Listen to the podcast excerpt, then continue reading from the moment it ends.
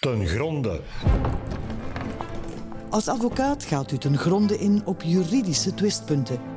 Wij gaan met deze podcast graag eens ten gronde in op een onderwerp dat u als advocaat kan interesseren.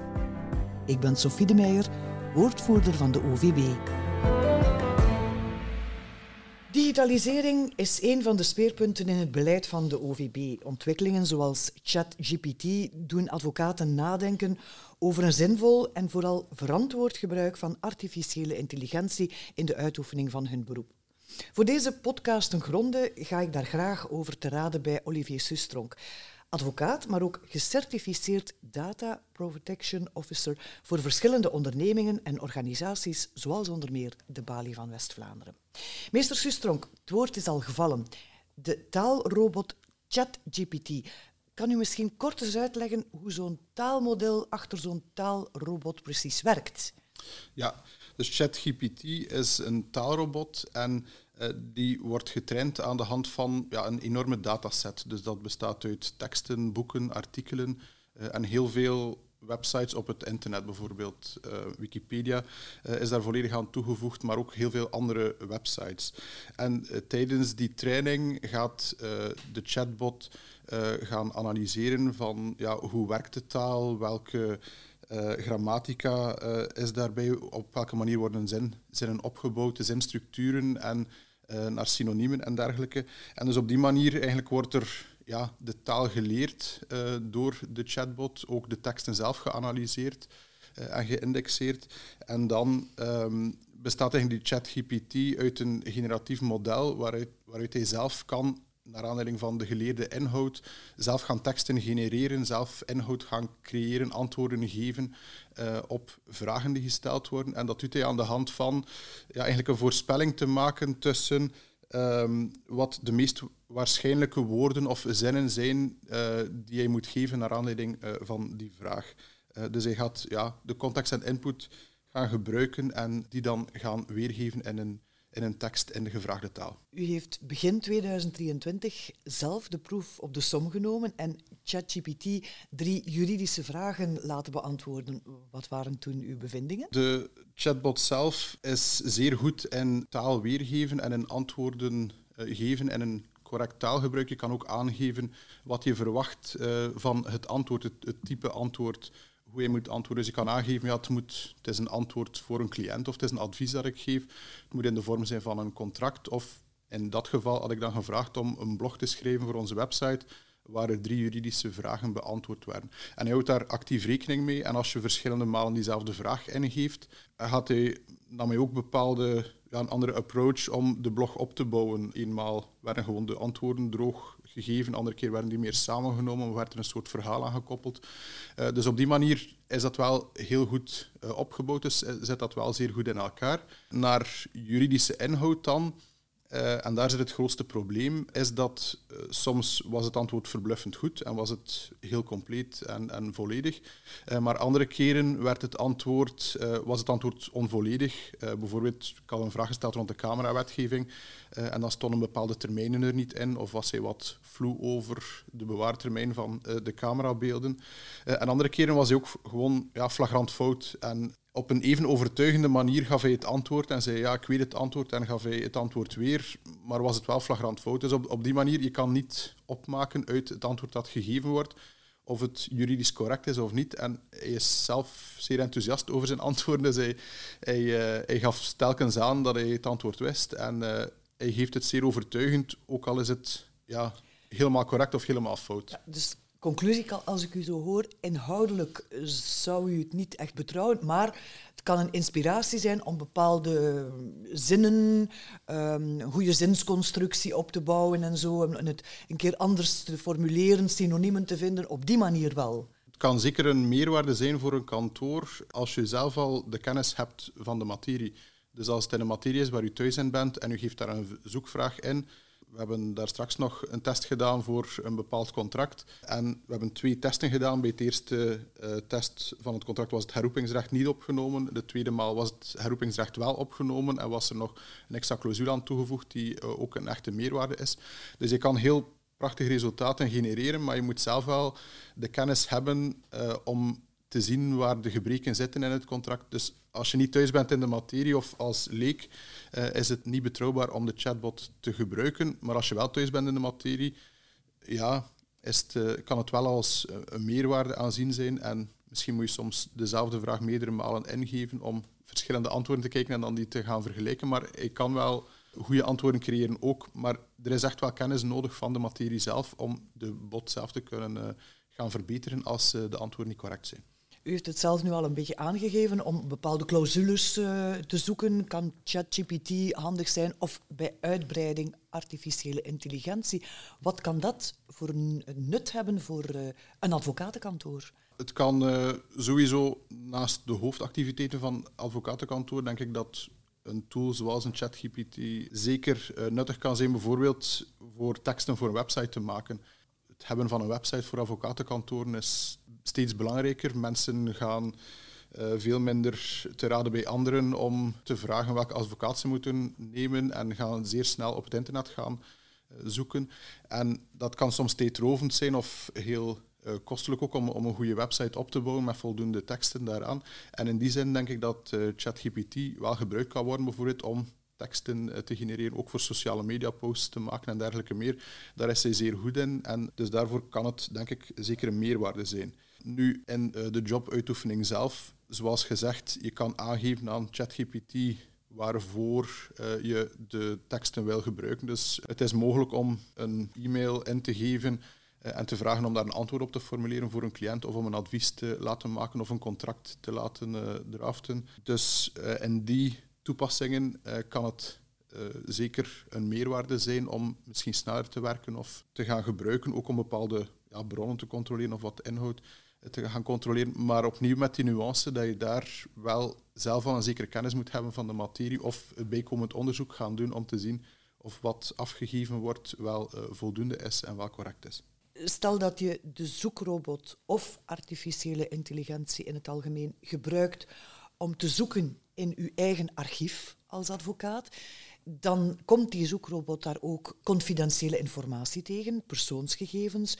U bent ook DBO. Hoe moet je daarmee omgaan, GDPR-gewijs? Dus ChatGPT zelf is een online applicatie, dus je kan wel een tekst ingeven die hij dan zal analyseren of waar je een antwoord zal op formuleren. Maar je kan niet je eigen database eraan toevoegen of laten doorzoeken. Er zijn wel andere taalmodellen die soortgelijk werken, zoals ChatGPT, die ongeveer dezelfde eh, kwaliteit hebben als uh, ChatGPT 3. Dat is de vorige versie uh, daarvan, die je wel kan lokaal hosten dan en kan trainen op basis van de software of de, van de documenten binnen uh, het kantoor.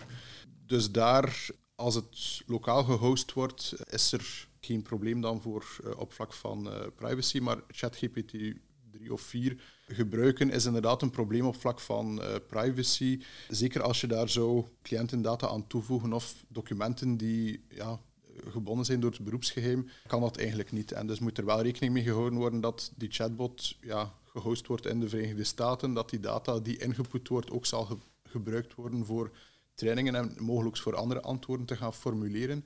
Ik heb al artikelen gelezen van goed consultancybedrijven die in het begin ChatGPT gebruikten om antwoorden inderdaad te formuleren voor cliënten en die erop teruggekomen zijn omdat ze merkten aan de antwoorden dat hun eigen data ook gebruikt werd en dat dat eigenlijk niet de bedoeling was. Vandaar, ja, als het gebruikt wordt bij ons op kantoor, hebben we het nu ook allee, beschikbaar gesteld, nu sinds heel kort, om eens ook wat uh, te testen, maar daar zijn wel duidelijke regels, allee, met duidelijke regels rond gemaakt dat er niets van cliënten ingaat. We gebruiken geen enkele persoonsgegevens, dus het zijn enkel ja, algemenere opdrachten die gegeven worden, wel specifiek voor een casus misschien, uh, maar waar je helemaal niet kan uit opmaken in welk dossier het zit, waar er zeker geen persoonsgegevens aan gekoppeld zijn. Brengt ChatGPT nog andere juridische problemen met zich mee? Ja, ook op vlak van intellectuele eigendomsrechten uh, kan ChatGPT een probleem zijn. Dus er zijn heel veel, om het model te trainen, heel veel teksten ingevoerd, teksten gebruikt, maar ook boeken en teksten die auteursrechtelijk beschermd zijn.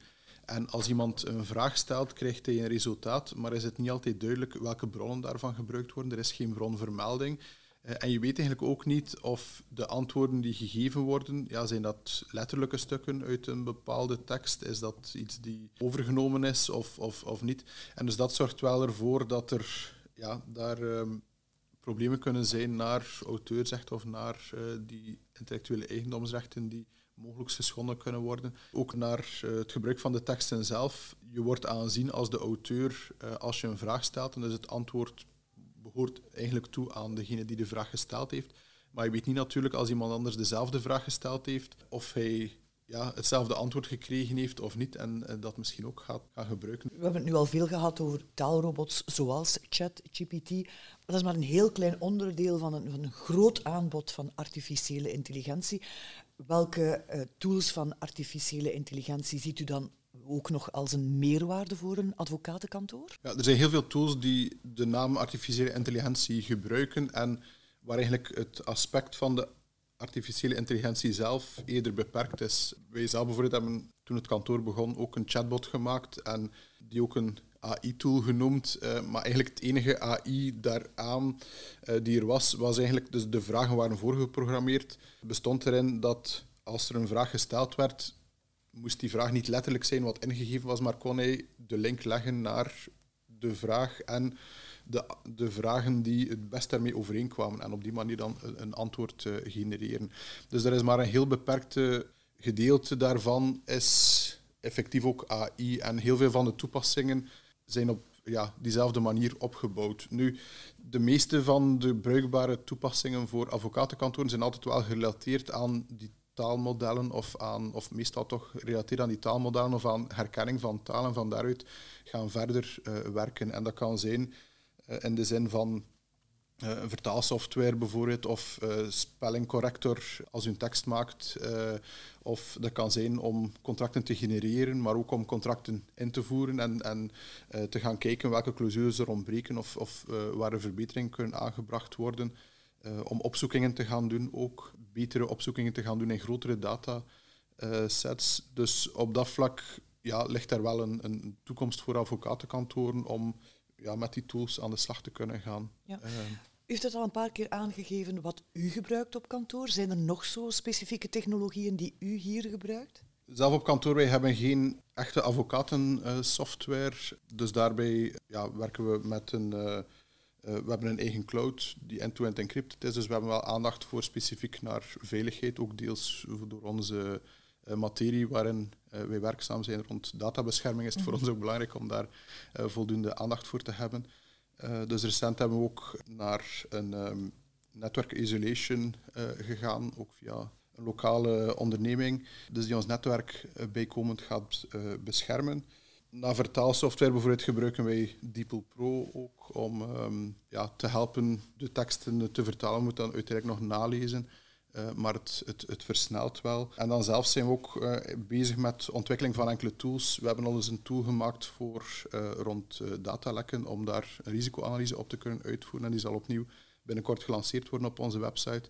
En ook intern ben ik aan het werken aan een automatisatietool, die ik zelf ontwikkel dan, waar we nu ook dan die ChatGPT willen aan, aan koppelen, met enkele restricties of een andere GPT-tool uh, maar daar werken we aan ja, een beetje automatisatie om het mogelijk te maken om bepaalde gegevens sneller te gaan invullen. Bijvoorbeeld klantendata die in verschillende documenten moet uh, ingevuld worden om dat te automatiseren. Nu draait alles rond die fameuze ChatGPT. Enkele jaren geleden uh, had iedereen de mond vol over blockchain. Nu spreekt niemand daar nog over moet je als advocaat eigenlijk rekening houden met al die legal tech nieuwigheden? Blockchain inderdaad was een hype enkele jaren geleden en dat lag dan misschien een beetje samen met uh, bitcoin en, en andere van die blockchain toepassingen die ja, hoge prijzen haalden en, en op die manier uh, in de pers kwamen. En meestal zo'n hype van nieuwe technologie is, is een beetje golfgewijs. Gaat, doordat er een, een nieuwe doorbraak is, uh, komt die in de aandacht en worden dan nieuwe investeringen aangekondigd en worden nieuwe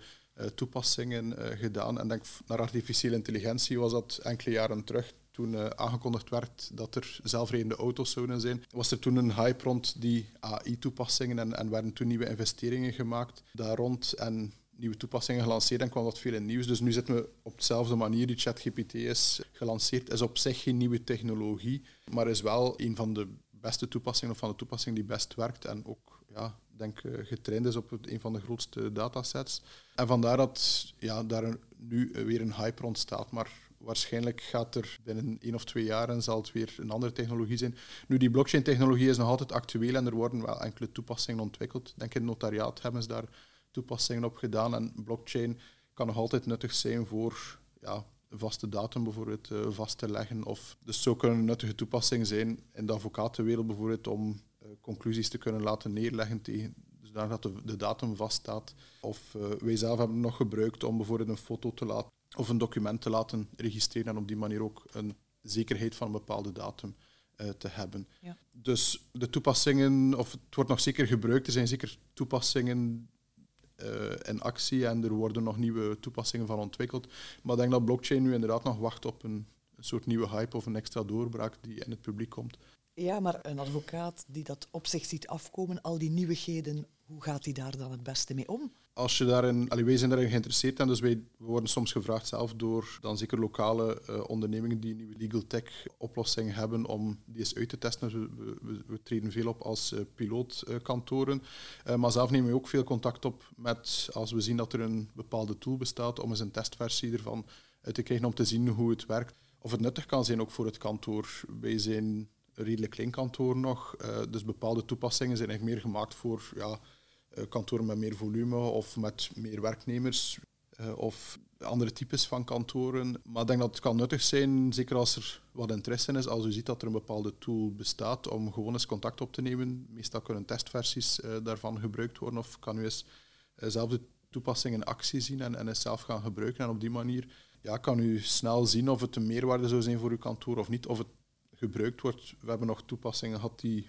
mij nuttig leken, maar die uiteindelijk niet gebruikt werden door de medewerkers. En ja, dan heeft het ook niet veel nut om het, uh, uh, om het uh, te gaan hebben. Maar ik denk dat ja, als er iets zich voor het gewoon is, de stap zetten om te vragen om een, een, testversie of het is te gaan gebruiken.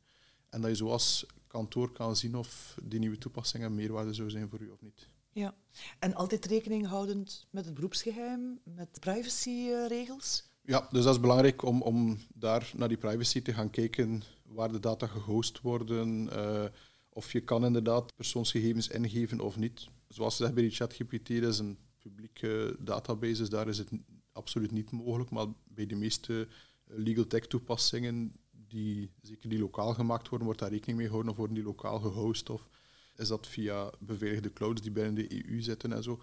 Dus je kan ook naar die eh, softwarebedrijven zelf gaan en, en, en, vragen wat hun beleid is rond, rond privacy en rond veiligheid. Uh, en de meeste van die bedrijven zijn zich wel bewust van dat zij, ja, zeker als ze focussen op advocaten of in de juridische wereld, dat die gegevens vertrouwelijk zijn. Dus zij, in principe zouden zij u daar moeten voldoende kunnen over inlichten en aantonen dat zij op een veilige manier werken. U bent een van de sprekers van e- Expeditie Digitaal, de roadshow, die alle balies gaat aandoen met getuigenissen van confraters over digitalisering. Wat is de boodschap die u daar zal brengen? Persoonlijk denk ik naar digitalisering toe. Ja, de laatste jaren zijn zeer veel kantoren overgestapt naar digitalisering van hun kantoor om dossiers digitaal te gaan bijhouden, uh, om cloud-toepassingen te gaan gebruiken en ook op een eenvoudiger manier digitaal gaan, gegevens gaan delen eh, kantoor aansluiten op het internet en dergelijke. En, en veel meer met e-mail en dergelijke gaan werken. Maar ik denk dat de focus voor de komende jaren zou moeten liggen rond, rond dataveiligheid, cybersecurity binnen het kantoor. Heel veel advocatenkantoren hebben erover nagedacht om die digitalisering door te voeren, maar zijn niet altijd blijven stilstaan bij uh, die veiligheid en eigenlijk de verhoogde risico's die die digitalisering met zich meebrengt. Uh, vroeger werden dossiers op in papier bijgehouden en, in de kelder dan bewaard uh, in het archief. En eigenlijk konden mensen enkel aan de dossiers als ze fysiek op het kantoor kwamen, dus waren die wel goed beschermd. En vandaag ja, is eigenlijk alles toegankelijk via het internet of wordt het gemakkelijk gedeeld ook via het internet en dat brengt risico's met zich mee, waar niet altijd voldoende rekening mee is gehouden, denk ik. En we zien dat ook aan het aantal hackings die gebeuren uh, algemeen zijn er veel meer aanvallen. Enerzijds omdat het veel eenvoudiger geworden is om bijvoorbeeld phishingberichten rond te sturen of om ondernemingen te gaan hacken. Doordat er vroeger moest je daar een heel grote uh, IT-kennis voor hebben of uh, programmeerkennis voor hebben. vandaag is dat veel meer gefaciliteerd met eenvoudige tools die het eigenlijk op een hele eenvoudige manier mogelijk maken voor iedereen om phishingberichten te sturen of om aanvallen te lanceren op bedrijven. En anderzijds, ja, er is ook heel veel geld mee gemoeid, dus er zijn heel professionele hackingbedrijven actief die het gemunt hebben op bepaalde ondernemingen. En zeker aan ondernemingen die minder stappen hebben genomen om een kantoor of een onderneming te gaan beveiligen, worden dan gefocust. En daar wordt dan, ja, kan dan een ransomware uh, gevraagd worden. En ik merk ook uit de praktijk dat er redelijk wat advocatenkantoren daar jaarlijks slachtoffer van worden. Uh, dus het is geen verm van mijn bedshow meer. Er zijn echt wel concreet, ja, ja, jaarlijks worden wij gecontacteerd door meerdere kantoren die het slachtoffer zijn geworden. En ze zullen niet allemaal ons contacteren, dus ik vermoed dat er veel meer zijn. Dus op dat vlak denk ik dat er ja, daar meest uh, aandacht moet uh, naar komen uh, in de komende jaren. Maar als we even terugkeren naar artificiële intelligentie, u heeft al aangegeven op welke manier een kantoor dat kan aanwenden. Maar hoe ziet u de toekomst van het gebruik van artificiële intelligentie in de advocatuur? Ja, naar artificiële intelligentie denk ik dat het ja, hoofdzakelijk enerzijds naar opzoeken. wij zelf zitten een beetje met, of, of persoonlijk zit ik met het idee dat we uh, nog wat tijd verliezen door te zoeken naar de correcte bronnen. We hebben heel veel informatie staan op onze cloud, we hebben heel veel documenten opgemaakt of adviezen gegeven, maar die zijn niet altijd eenvoudig terug te vinden. En ook in de bronnen, er is heel veel publieke bronnen op het internet, we hebben heel veel boeken en tijdschriften ook in onze bibliotheek staan. En ja, daar verliezen we nog misschien te veel tijd mee om altijd ja, de correcte antwoorden te vinden. Dus ik denk dat daar artificiële intelligentie in de toekomst een grote rol kan spelen om dat allemaal ja, wat te gaan eh, centraliseren en op een eenvoudiger manier te laten opzoekingen gebeuren. Ik denk ook naar ja, het gebruik van rechtspraak en, en, en dergelijke meer, dat die toegankelijker wordt en dat die ook sneller kan gebruikt worden. Dus dat is het eerste aspect. En het tweede aspect is dan naar het opmaken van adviezen, conclusies, uh, contracten, dat daar ook ja, een belangrijke meerwaarde in kan zijn om teksten te gaan opmaken. Maar ook, er zijn al enkele tools die ja, contracten bijvoorbeeld kunnen nazien en daar opmerkingen op kunnen geven om te zien of een contract goed opgemaakt is of niet. Dus dat kan ook handig zijn, bijvoorbeeld in contractuele onderhandelingen, dat een contract moet nagezien worden dat ook uh, met behulp van die tool al een deel van het werk kan gebeuren. Als ik u zo hoor, dan hoor ik u zeggen, er zal nog altijd een mens moeten aan te pas komen. Dus artificiële intelligentie zal de job van de advocaat niet bedreigen? Of wel? Nee, denk het niet. De advocaat zal het kunnen gebruiken en, en misschien moeten gebruiken. Ik denk dat het verschil misschien eerder er zal tussen bestaan tussen de advocaat die het wel gebruikt en de advocaat die het niet gebruikt. En als de technologie op punt staat, zal de advocaat die het niet gebruikt misschien zich afvragen hoe het komt dat de advocaat die het wel gebruikt kan performanter werken en meer, uh, meer dossiers kan doen en, en, en zal de kwaliteit misschien ook omhoog gaan van uh, het advocatenjob zelf. Uh, maar er zal nog altijd ja, menselijke tussenkomst moeten zijn en ook voldoende kennis van de advocaat. dus ik denk dat de tool niet snel zal kunnen gebruikt worden, gewoon door, door cliënten of door leken. En zelfs, zoals ik had aangegeven, ook er is nog altijd een, kennis nodig van de materie om de tool zelf te kunnen corrigeren.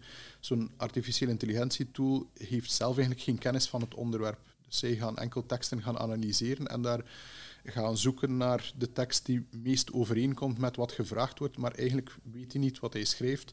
Dus die inhoudelijke kennis is niet aanwezig, waardoor er altijd zullen fouten mogelijk in het antwoord zijn. En hoeveel je, ja, met hoeveel teksten je die ook voedt, het kan zijn als de teksten, dat de antwoorden procentueel gezien beter worden, maar er zullen nog altijd uh, flagrante fouten in staan die je niet kan aangeven. En dat is nog altijd het verschil dan tussen het menselijke. Zelfs iemand op kantoor die misschien niet helemaal thuis is in de materie, zal dan wel kunnen aangeven van over die clausules twijfel ik.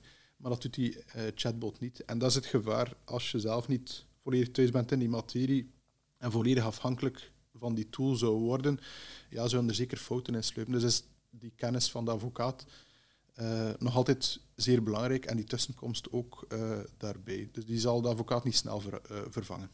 U had het daar net al zijdelings al over rechtspraak. Bij de databank vonnissen en arresten die er zit aan te komen, gaan er stemmen op om artificiële intelligentie in te schakelen om die databank gericht te kunnen doorzoeken. Wat is uw mening daarover? Ik denk dat dat zeker zou een meerwaarde zijn, omdat enerzijds denk ik dat het nodig is en noodzakelijk is dat die databank er komt in België. Het is belangrijk om toegang te krijgen tot uh, rechtspraak en uh, als advocaat om daar die voldoende kennis te hebben. Maar aan de andere zijde natuurlijk, als alle vonnissen en arresten gepubliceerd worden, zal het een enorme databank zijn en is het ook belangrijk om op een goede manier te kunnen gaan zoeken, zodat daar niet extra tijd mee uh, verloren wordt als je een bepaalde rechtsmaterie ingeeft, dat er geen 10.000 uh, resultaten komen, dat je zelf moet gaan zoeken wat het precies is, maar dat de, de artificiële intelligentie daarbij kan helpen om ja, de correcte arresten of, of, vonnissen daaruit te gaan filteren, zodanig dat de oplossingen of de, de antwoorden die gegeven worden, ja, dat de zoekresultaten veel performanter zijn.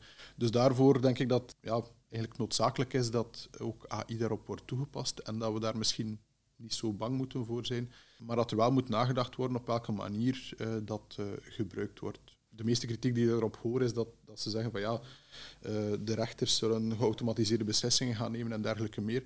Op zich denk ik dat het voornamelijk AI zou moeten gebruikt worden in de analyse en het, ja, het correct kunnen weergeven van de juiste zoekresultaten en dat het ook een hulp moet zijn, ook voor advocaten, ook voor rechters. En dat het niet de bedoeling is dat de AI het over zal nemen en zelf gaat vonnissen uh, gaan schrijven zonder dat die getoetst worden. Ja. Toepassingen van artificiële intelligentie gaan soms ver. In zijn voorzitter op vrijdag, u heeft het misschien gelezen, op 31 maart had uh, voorzitter Peter Kalles het nog over Madison Square Garden, uh, gespecialiseerd in ticketverkoop voor concerten, sportevenementen. En MSG gebruikte gezichtsherkenning om advocaten die tegen hen procederen te weren van de ticketverkoop in een poging om te zeggen van je moet niet meer eh, procederen tegen ons. Dat is toch wel een zorgwekkende evolutie. Dat is zeker een zorgwekkende evolutie. En, ik denk ook dat het in België moeilijk is om, om dit toe te passen. Maar het is inderdaad iets, op die manier is het duidelijk, denk ik, dat het uh, misbruikt wordt. En er zijn wel wat risico's verbonden uh, aan die AI-toepassingen. Als je bijvoorbeeld kijkt naar de deepfakes die momenteel mogelijk zijn om te maken, waardoor iemand zijn gezicht eigenlijk gebruikt wordt in een video en waardoor je een persoon, zonder dat je kan zien dat het niet echt is, kan laten bepaalde teksten zeggen of bepaalde dingen uh, laten doen. Dat zorgt ervoor dat daar ja, grote risico's aan zijn, maatschappelijk gezien, om ja, we zitten al in een golf van fake news, maar eigenlijk die deepfakes zijn maar het begin. Je kan echt foto's gaan maken die helemaal echt leken van toestanden die niet echt gebeurd zijn. En op die manier uh, zal dat wel een uitdaging worden in de toekomst voor journalisten, maar ook voor mensen zelf om te herkennen of, of daar kritisch rond te zijn uh, en zich niet te laten meeslepen. Ik denk dat daar, ja, zeker naar die sociale media, veel beelden en zo kunnen gedeeld worden zit daar wel een grote uitdaging naar de toekomst in. En dat is wel een gevaar, denk ik, eh, rond die AI, die zou ook moeten uh, gegenereerd kunnen worden. En anderzijds ook ja, dichter bij huis dan AI-toepassingen die gebruikt worden, moeten ook op de intelligente manier gebruikt worden. En zoals u zegt, daar ja, een privaat bedrijf die gaat zich gaan verdedigen eigenlijk, of, of uh, proberen advocaten af te schrikken door AI-toepassingen te gaan gebruiken. In Europa zou het een inbreuk uitmaken op de GDPR, maar toch zal het ook misschien steeds meer gebruikt gaan worden, dan moeten we daar wel aandachtig voor zijn dat het niet misbruikt kan worden. En dan ook voor overheden bijvoorbeeld. Te snel wordt er nu gegrepen naar bepaalde, in, in het kader dan van veiligheid, naar bepaalde zogezegd slimme camera's en dergelijke, maar wordt er veel te weinig rekening gehouden met de risico's die dat inhoudt. En wordt er ook te weinig rekening gehouden met ja, de privacy dan, uh, van de bevolking. Dus we moeten daar zeker op een intelligente manier mee omgaan en zeker uh, voldoende bij stilstaan welke toepassingen er gebruikt worden en op welke manier die gebruikt worden. U had het daarnet al over Europa. De Europese Unie breidt uh, regelgeving voor over het gebruik van artificiële intelligentie. Wat verwacht u daarvan, van die nieuwe wetgeving? Ik denk dat het belangrijk is naar artificiële intelligentie en of het grote pijnpunt bijvoorbeeld bij zo'n uh, ChatGPT uh, is nog altijd, dus er wordt heel veel data daarin gebruikt en uh, er worden soms bepaalde resultaten gegeven, maar het is niet altijd duidelijk welke data gebruikt werd, op welke manier die getraind is geweest en ook om het antwoord te formuleren, welke bronnen daarbij gebruikt zijn. en dus ik denk dat dat belangrijk is dat er ergens een model wordt ingebouwd waardoor de chat of de, de artificiële intelligentietoepassing zelf kan aangeven op welke manier een bepaalde beslissing of een bepaald resultaat tot stand gekomen is. Dat hij ja, de bronnen daarin kan weergeven of zelf kan zeggen welke redenering hij gebruikt heeft of welke parameters gebruikt zijn geweest om tot een bepaald resultaat te gaan komen. En dat zou kunnen helpen dan ook, zeker bij als er geautomatiseerde toepassingen zijn, want ja, artificiële intelligentie wordt zeer veel gebruikt, bijvoorbeeld in de medische wereld, uh, om ja, bepaalde ziektes of diagnoses te gaan uh, stellen. Uh, in de verzekeringen willen ze steeds meer die artificiële intelligentie gaan gebruiken om de verzekerbaarheid te gaan bekijken. Ook in justitie merk je al ook naar eventueel voor beslissingen. En dus daarom is het wel belangrijk om ja, dat daar geen discriminatie of dat daar geen foute beslissingen worden genomen.